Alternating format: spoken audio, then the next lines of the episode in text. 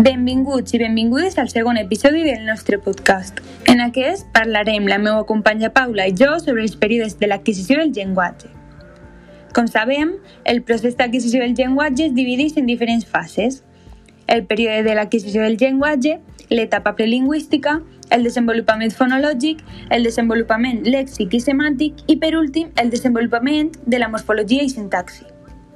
Segons deia Ingram, dins de la primera fase, que, com comentava, és el període de l'adquisició del llenguatge, hi ha diferents períodes. En primer lloc, trobem el període prelingüístic, que es dona al primer any de vida. A continuació, trobem el període d'un mot, que es dona des que sí que tenen un any fins que tenen un any i mig. Seguidament, el període de les primeres combinacions de mots, que es dona des de que els xiquets tenen un any i mig fins que tenen dos anys i finalment el període de les frases simples i compostes que es dona quan els xiquets i xiquetes ja tenen 3 anys. La segona etapa de la que parlava és l'etapa prelingüística, en la qual en el primer any i de vida es dona la major activitat comunicativa i social. Es produeix una interacció social mitjançant impulsos propis que fan els xiquets. En aquesta etapa sols predominar la imitació, les repeticions i l'experimentació. D'aquesta manera, a poc a poc, els xiquets i xiquetes avancen cap a la, la generativitat pròpia. Ara, al següent capítol, la meva companya Paula comentarà i explicarà les següents fases, que són la del desenvolupament fonològic i la del desenvolupament lèxic i semàntic.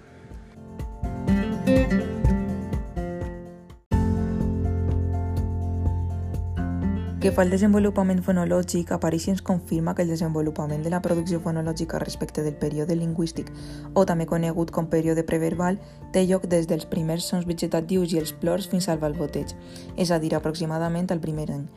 Més endavant, una vegada transcorregut el primer any, s'avança des de la fonologia, com acabem de comentar, cap a les primeres paraules, el que es coneix com adquisició fonològica al període lingüístic. Aquesta adquisició té lloc entre el primer any i l'any i mig, i des de l'any i mig cap als 4 anys tindria lloc l'expansió fonològica que faria referència a l'etapa on comencen a adquirir, desenvolupar i perfeccionar els fonemes i el llenguatge.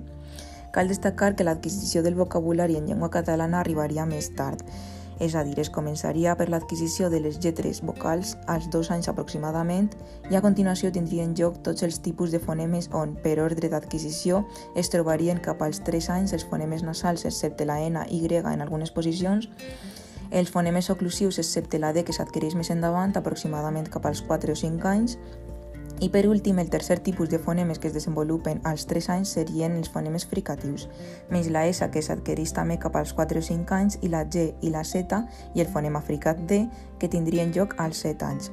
Finalment, els fonemes líquids vibrants i laterals com la L i la R es solen adquirir cap als 3 o 4 anys eh, i l'any següent, als 5 anys, tindria lloc l'adquisició de la doble L. I l'última, que és la que més sol tardar en ser adquirida, és la doble R, que tindria lloc cap als 6 o 7 anys, és a dir, més endavant que els fonemes que acabem de comentar. D'altra banda, el desenvolupament lèxic i semàntic és aquell que estudia l'origen i la forma de les paraules d'un idioma, així com el seu significat i les relacions que estableixen les paraules, el que es coneix com qüestions semàntiques. Respecte al cas que ens ocupa, cal conèixer com ocorre el procés d'aquest desenvolupament en els més menuts. Al primer any tenen lloc eh, les formes fonèticament consistents, també conegudes com protoparaules, que són aquelles provocades amb una intenció determinada i que, a més, poden estar acompanyades de gestos i sons. D'altra banda, de l'any a l'any i mig comencen a produir-se les primeres paraules, però durant aquesta etapa solament arriben a les 50 paraules i comprenen el llenguatge descontextualitzat. Alguns autors, com Nelson, nomenen aquesta etapa fase prelèxica. Així mateix, trobem dues fases més anomenades fase d'explosió lèxica i fase semàntica, de les quals la primera té lloc des de l'any a l'any i mig cap als dos anys, aproximadament, i durant aquesta els xiquets i les, xiquetes, les xiquetes assoleixen entre 50 i 100 paraules.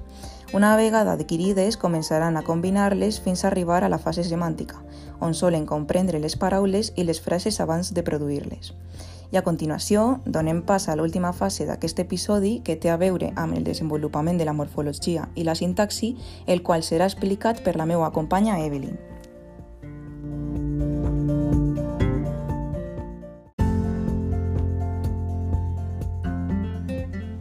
Com comentava la meva companya Paula a l'anterior capítol, jo, que sóc Evelyn, concluiré aquest segon episodi del podcast amb l'última fase del procés d'adquisició del llenguatge, que és la del desenvolupament de la morfologia i sintaxi. Aquest període, segons la proposta de Tomasella i Brooks, seguint a Parisi, es divideix en diferents etapes. En primer lloc, es troba l'etapa d'un mot o holofràstica, que es dona al voltant dels 12-18 mesos i els xiquets i xiquetes solament emeten frases d'una paraula. A continuació, es troba l'etapa de combinació de mots o parla telegràfica, que es dona als 18-24 mesos i ja utilitzen més d'una paraula o símbol lingüístic. Seguidament trobem l'etapa de productivitat parcial, aquesta etapa es dona als 24-36 mesos aproximadament i s'utilitzen marcadors fonològics i sintàctics sense generalitzar-se. Finalment, trobem l'etapa de la competència adulta que es dona a partir dels 3 anys i ja comencen a expressar les seues intencions comunicatives amb recursos que són pareguts al que utilitzen els adults. I ja cap als 4 anys eh, aproximadament adquireixen la gramàtica bàsica per a comunicar-se i amb 6 anys es pot considerar completa, encara que poden millorar la fluidesa verbal, etc. I res, fins així l'episodi 2. Gràcies per la vostra atenció i espero que us hagi agradat.